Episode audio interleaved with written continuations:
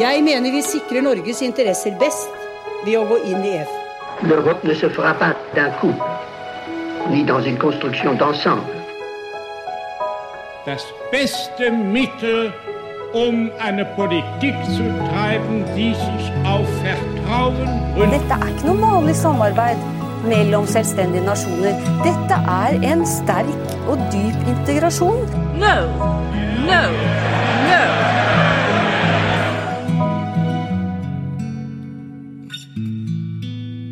Velkommen til den åttende episoden av Det europeiske kvarter, en podkast om europeisk politikk og historie av Lise Rye og meg, Kristine Graneng, ved Europastudier på NTNU.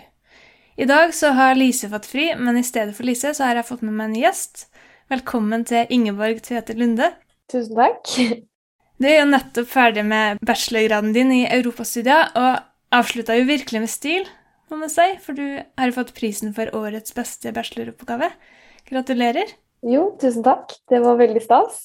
Den oppgaven du har skrevet, den er jo virkelig tida, for den handler jo om EU sin håndtering av helsekrisa, sånn som koronapandemien er. Kan ikke du først si litt om hva det er du har sett på i oppgaven? Eh, ja, eh, oppgaven min er jo et case-studie av helsepolitikk i EU og håndtering av grenseoverskridende kriser, som du sa. Eh, men mer spesifikt så har jeg sett på EU-kommisjonens kapasitet til å håndtere slike kriser, og hvordan denne kapasiteten har utvidet seg i etterkant av helsekriser. Um, og for å komme fram til dette, så har jeg vært gjennom et grundig dokumentstudie av EU sitt juridiske rammeverk, og gjort en analyse da av hvordan kommisjonen har håndtert tidligere helsekriser, eh, som SARS og HM, H1N1, som da også er kjent som eh, svineinfluensa, i tillegg til covid-19. Så du har gått litt tilbake i tid for å finne ut av det her? Det har jeg. Man må liksom inn og se på hvordan de har håndtert gamle kriser for å skjønne hvordan ting har utviklet seg da, over tid. Mm. Hva er det som gjorde at uh, du ville undersøkt det her, da? Som, bortsett fra at det er et veldig relevant tema? Um, det begynte vel egentlig forrige semester, for da hadde vi et emne hvor jeg fikk lov til å se litt på det samme. Jeg fikk lov til å se på krisehåndtering og eh, syntes det rett og slett var veldig interessant. Og da fikk jeg også mulighet til å skrive om covid. Og eh, ønsket rett og slett å bygge videre på det som var da eksamen min i det emnet. Og gjøre det til en helhetlig oppgave. Um, og så var det vel ikke, det er vel ikke noe enkelt svar på akkurat hvorfor jeg syns det er så spennende. Det er eh, som du sa, at det er veldig nytt og dagsaktuelt, og følte kanskje ikke at det hadde blitt undersøkt veldig mye. Og det dro meg jo veldig mot temaet, da. Helse det er jo et ganske spesielt tema i EU-sammenheng også. Mm. For krisehåndtering det er jo noe EU driver med på flere forskjellige områder, i mindre og større skala. Men det er jo helseområdet du ser på. Og hva er det du vil si kjennetegner helsefeltet i EU? Det var litt vanskelig å finne ut av i starten, syns jeg også. Det er kanskje ikke så tydelig. Og det har jo, Da jeg leste om det i starten, så er det jo mange akademikere som snakker om det som et slags lappeteppe av noe slag, og det fins ikke noe enkelt eller entydig dokument som beskriver akkurat EUs rolle innenfor feltet. Det er derfor jeg har måttet se på utallige forskjellige dokumenter og lovforslag og altså, sånne type uh, uttalelser fra veldig mange ulike år i et forsøk på å samle sammen informasjon uh, og klargjøre akkurat hvilke kapasiteter som kommisjonen har. Um, men primært sett så er jo helsefeltet i EU et nasjonalt ansvarsområde. Mm. Og det er jo derfor det ikke er så lett å skjønne hva EU kan gjøre eh, i helsekriser, f.eks. Um, men det jeg fant fram til, var at um, helse ble introdusert på EU-nivå med eh, Maastricht-traktaten i 1992. Og fra den tid, og sånn det fremdeles er i dag, så er EUs viktigste rolle innenfor helsefeltet å oppfordre til samarbeid mellom medlemsstatene og, ut, og sørge for at viktig informasjon blir delt blant medlemsstatene, da gjennom bl.a. kommisjonen. Mm. Så det, det, er først og fremst mellomstatlig fremdeles. Så EU har mest en koordinerende rolle. bestemmer ikke så mye. Nei. Det er veldig godt uh, oppsummert. Du ser jo på kommisjonen i oppgaven din. Uh, det er det du velger å fokusere på. Hvorfor tenker du at kommisjonen er spesielt viktig i denne sammenhengen? Uh, det er jo litt sånn som det du sa, at det er jo hovedsakelig mellomstatlig. Men kommisjonen har jeg valgt å sette som fokus i oppgaven min fordi det er den institusjonen jeg fant til å, ha, til å være mest relevant når det gjelder håndtering av grenseoverskridende kriser. Og så er det jo den EU er jo, Det er jo EUs mest eh, byråkratiske overnasjonale institusjon. Mm. Som på en måte skal arbeide for europeiske interesser kontra nasjonale. Um, og der, I tillegg til at det er kommisjonen som skal initiere ny politikk, som gjør at de har muligheten til å foreslå bl.a. ny helsepolitikk. Um, og det var jo også den rent praktiske komponenten at kommisjonen har veldig hyppig publisering av rapporter, og de har offentlige talsmeldinger og generelt mye informasjon som gjorde at det var veldig enkelt for meg å finne fram til troverdig informasjon som sa noe om det jeg ville se på. da. Hva er det EU har mulighet til å gjøre da, i møte med ei grenseoverskridende eh, helsekrise, sånn som nå? Du har jo vært litt inne på det allerede, men mer konkret? Ja, det er jo det nesten hele oppgaven min baserer seg på. Jeg skal prøve å fatte meg i korthet. Eh, sånn per i dag så har jo EU den største og viktigste rollen med å koordinere samarbeid. Eh, men i tillegg til det, og opp gjennom mange år og i etterkant av flere kriser, så har det kommet ulike systemer og organisasjoner på banen som skal bidra til mer effektiv krisehåndtering. Eh, jeg har jo da spesifikt sett på hva EU kan gjøre i relasjon med kommisjonen, og det som jeg da har kommet fram til, er at kommisjonens kapasitet og mulighet til å håndtere helsekriser har modnet seg veldig gjennom etableringen av formelle og institusjonaliserte mekanismer. Eh, og da er det spesifikt tre strukturer eh, jeg har sett på. Og det er bl.a. at medlemsstater er pliktige til å rapportere prosedyrer og implementerte mottiltak i forbindelse med både forebygging og bekjempelse av smittsomme sykdommer gjennom et system som heter, eller som forkortes til EVRS, som står for at det er The Network Committee for Early Warning and Response System to Communicable Diseases. Mm, jeg tror det er varslingssystem for smittsomme sykdommer på norsk? Ja, det kan godt hende. Det vet jeg ikke. um, og så har man HSC, Health Security Committee, Mm. Vet ikke om du kan det norske ordet for det òg? Helsesikkerhetskomiteen? Ja, takk. Eh, det er jo plattformen der kommisjonen og medlemsstatene skal samarbeide og koordinere arbeidet sitt for å utvikle og styrke både overvåkning, tidlig varsling og vurdering og respons på alvorlige grenseoverskridende kriser, sånn som f.eks. covid. Det er på en måte der de prater sammen, da, og deler den informasjonen de har rundt hvilke tiltak som funker, og ja, den sånne type med informasjon, da. Um, og så har man jo jeg tror en av de viktigste organisasjonene er ECDC, European Center of Disease Prevention and Control. Mm, det europeiske smittevernbyrået. Mm, takk. uh, og det er jo en EU-tilknyttet eh, e organisasjon som skal være eller opptre uavhengig. Fordi de skal gi hovedsakelig vitenskapelig assistanse og ekspertise i mm. forbindelse med å kunne både identifisere fremtidige eller nåværende helsetrusler, men også kunne gi råd og videreformidle viktig informasjon angående hvordan, man, hvordan disse sprer seg, f.eks. Hvis det er en, en sykdom. Eh, og dette går hovedsakelig gjennom kommisjonen, eller bl.a. gjennom kommisjonen. Jeg tenker det er verdt å nevne også at Norge deltar jo i, i alle de hele organene på en eller annen måte, enten som observatør eller som, som tilnærmet fullt medlem. Mm. Eh, så det jeg da har sett på Jeg har sett på alle disse tre ettersom de er knyttet både sammen, de tre, men også alle altså kommisjonen er involvert i alle disse tre. Det, det, er jo ikke som du skriver i oppgaven, så er det jo ikke første gang EU har stått overfor potensielt store helsekriser. Eh, som du nevnte eh, allerede, så, så, ser du både på SARS-epidemien og svineinfluensaen. Og av forskjellige grunner så ble jo ingen av dem, de to sykdommene, en så omfattende krise som det covid-19-pandemien har blitt.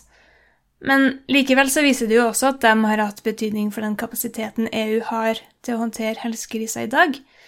Så det jeg lurer på da, er på hvilken måte og hvorfor er det kapasiteten til EU har utvikla seg i forbindelse med tidligere helsekriser? Og skiller covid-19-pandemien seg fra de to forrige på noen måte, med tanke på de endringene den har ført til i EU? Um, ja, altså det man ser eller det jeg har funnet ut av, er jo at sars og svilleinfluensa ikke var like alvorlige hvis man skal sammenligne det med covid-19 sånn sett. Um, men de var veldig viktige for etablering og videre utvikling av eh, mekanismer og strukturer for å kunne håndtere slike kriser. Eh, og der blant annet, SARS var jo den som kom først av de tre jeg har sett på. Og den var alvorlig, spesielt i den forstand at det var den første, blant de første alvorlige epidemiene som EU opplevde. Eh, og det gjorde det veldig tydelig at det var viktig å få på plass strukturer som ville gjøre håndtering av en fremtidig helsekrise mye bedre og mer effektiv. Og på bakgrunn av det så ble jo bl.a. ECDC etablert. Smittevernbyrået, ikke sant? Smittevernbyrået, ja. Um, og det var jo et veldig viktig steg for å utvide EUs kapasitet til å håndtere kriser. Um, og det var på bakgrunn av den erfaringen man fikk fra SARS at, eh, som gjorde at da svineinfluensautbruddet kom, eh, så det gikk veldig mange land og EU da i krisemodus relativt fort, i frykt for at det var et alvorlig utbrudd og at det kom til å bli et veldig stort problem. Og eh, svineinfluensa ble jo erklært for å være en pandemi. Eh, og da den første pandemien i det 21. århundret. Eh, men likevel så ble det gjort klart i etterkant av krisen at det ikke var like alvorlig som man først hadde trodd. Men det var en veldig viktig lærdom. Fordi de strukturene og mekanismene som hadde kommet etter SARS, ble testet for første gang på ordentlig under svineinfluensa. Og selv om de fleste greide seg ganske bra, så viste det seg at det var veldig stor, eller det var mye rom for forbedring og finpussing for å sikre enda mer effektiv krisehåndtering. Um, så i sin helhet så viste begge, begge, krisene at dersom en tilsvarende situasjon skal oppstå i fremtiden, um, med en, et virus eller et eller annet som kommer til å gå på kryss og tvers av EUs grenser, så vil det være veldig gunstig å ha en, en helhetlig EU-respons. Og det var jo på bakgrunn av dette at, man, at EU i 2013 bestemte seg for å formalisere flere av rollene til de strukturene jeg nevnte i stad, som er helt kritiske for å kunne håndtere helsekriser i EU. Mm. Og du skriver veldig godt om det i oppgaven din, og syns jeg at, at grunnen til at EU må ha sånne verktøy, det er jo fordi eh, utfordringene blir større når man har åpne grenser. Absolutt. Det er jo det som er hovedgreia til EU, vil jeg jo si, og argumentere for i oppgaven min at, at når man har så mye åpenhet, som har mye fordeler, spesielt økonomisk sett, så vil det ha en bakside, og det er jo da at når altså, um, Virusutbrudd vil ikke respektere grenser. Det går på kryss og tvers, og da er det veldig viktig å ha en felles respons fordi man kan på en måte ikke bare stenge grensene, egentlig. For det vil gå veldig imot det EU står for. Mm. Og det her er jo noe som virkelig har blitt testa i løpet av ikke bare koronapandemien, men også tidligere, tror jeg. For noe av det som har gjort håndteringa av, av, covid i Europa problematisk, eller sett fra et EU-perspektiv iallfall, det er jo det at det oppstår interessekonflikter mellom det nasjonale nivået og det europeiske men også mellom ulike hensyn, som f.eks. mellom hensynet til helse på den ene sida og til økonomi på den andre, som i noen tilfeller kan være motstridende. Og vi ser jo det at under pandemien så har flere medlemsland valgt å stenge grensene sine, enten over kortere eller lengre perioder. Og Norge har jo også fått påpakning fra ESA, EFTA sitt overvåkningsorgan, fordi vi har valgt å stenge grensene for innbyggere fra andre EØS-land. Og det er et visst rom for å gjøre sånne tiltak innenfor rammene samarbeid i EU og EØS gir, men i Norge sitt tilfelle så mener altså ESA at tiltakene strider med forpliktelsene til den frie bevegelsen. Og det er jo også andre medlemsland i EU som har fått påpakning fra kommisjonen om at de gjør tiltak som er i strid med forpliktelsene i samarbeidet. Har du funnet flere sånne eksempler på saker i arbeidet ditt, enten tidligere under SARS og, og svineinfluensaen, eller under koronapandemien?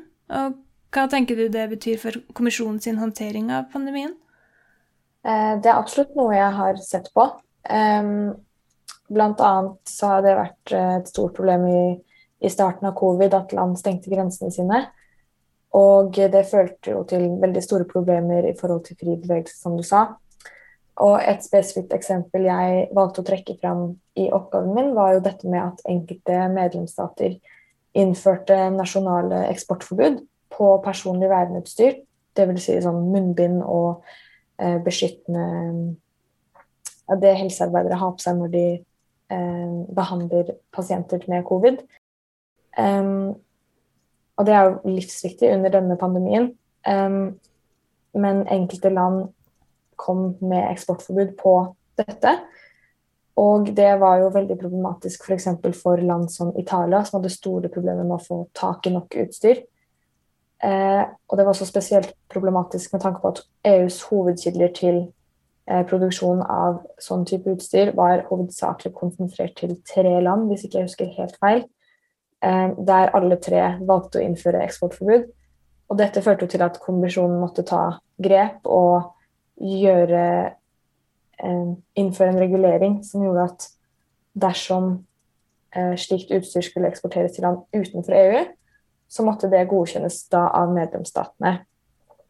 Og dette gjorde jo at medlemsstatene åpnet for å eksportere til EU-land. For da betydde det at de ikke nødvendigvis måtte eksportere til land utenfor EU.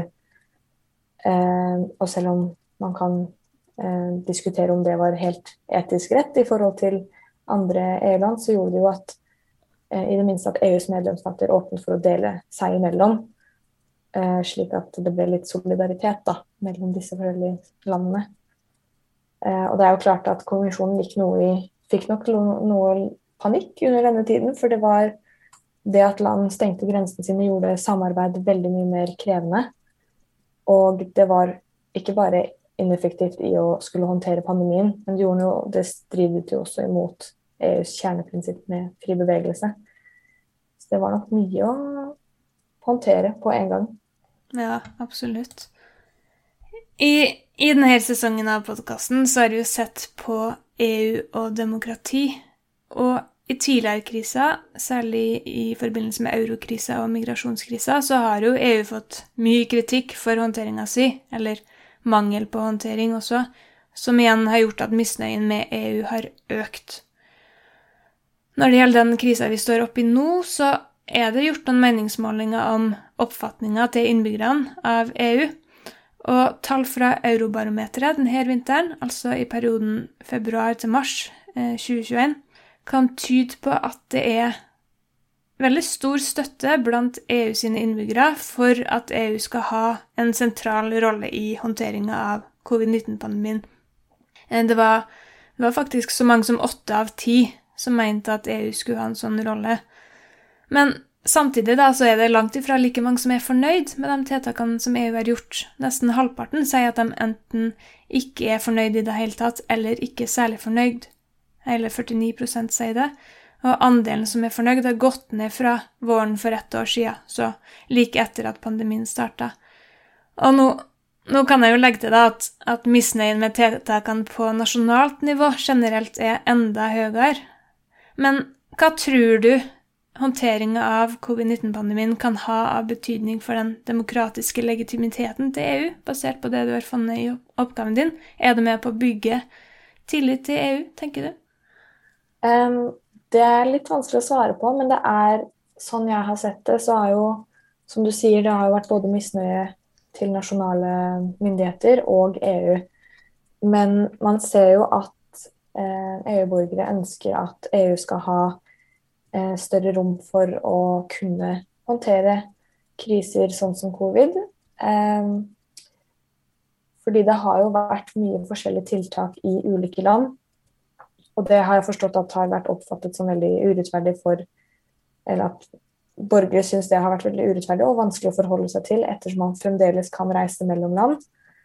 Um, men det er jo Vi ser jo at uh, det vil være nødvendig å kunne ha um, større Eller delegere mer rom til organisasjoner som uh, institusjoner som Kommisjonen og de tilknyttede strukturene som vi har nevnt litt tidligere, for å håndtere helsekriser, fordi man trenger en felles um, hva skal man si, en felles front, en felles svar på hvordan man skal håndtere sånne kriser. Så det vil jo sånn sett kanskje bli gitt noe mer eh, makt, jeg vet ikke om det er rett ord å bruke, til institusjoner som kommisjonen kontra parlamentet.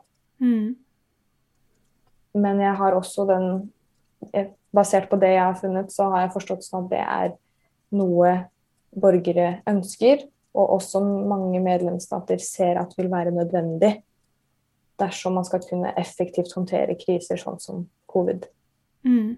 Det er jo tydelig at det er en forventning til at EU skal gjøre, gjøre noe, iallfall. Og det er jo mange eksempler på at, at det har store konsekvenser når det ikke blir gjort noe. Jeg tenker bare på på de diskusjonene som går i Norge nå om, om arbeidsinnvandring og, og, mulighet for å få besøk av, av familie og kjærester, den type ting.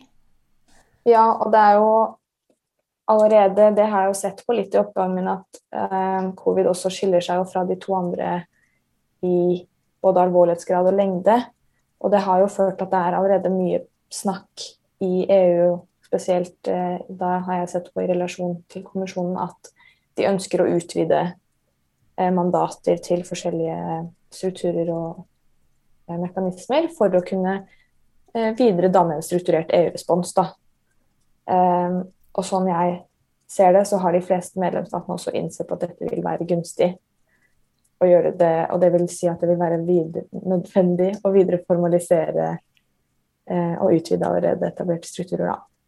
Jeg føler vi sier det stort sett hver episode, at vi må bare følge med videre på hva som skjer. For det, det er jo noe som utvikler seg hele tida. Men du har iallfall gitt oss veldig god oversikt på hva som er situasjonen nå, og hva som har skjedd opp til i dag. Så tusen takk for det, Ingeborg. Takk for praten. Takk i like måte. Det var veldig hyggelig. Så må du ha lykke til videre etter bachelorgraden. Tusen takk.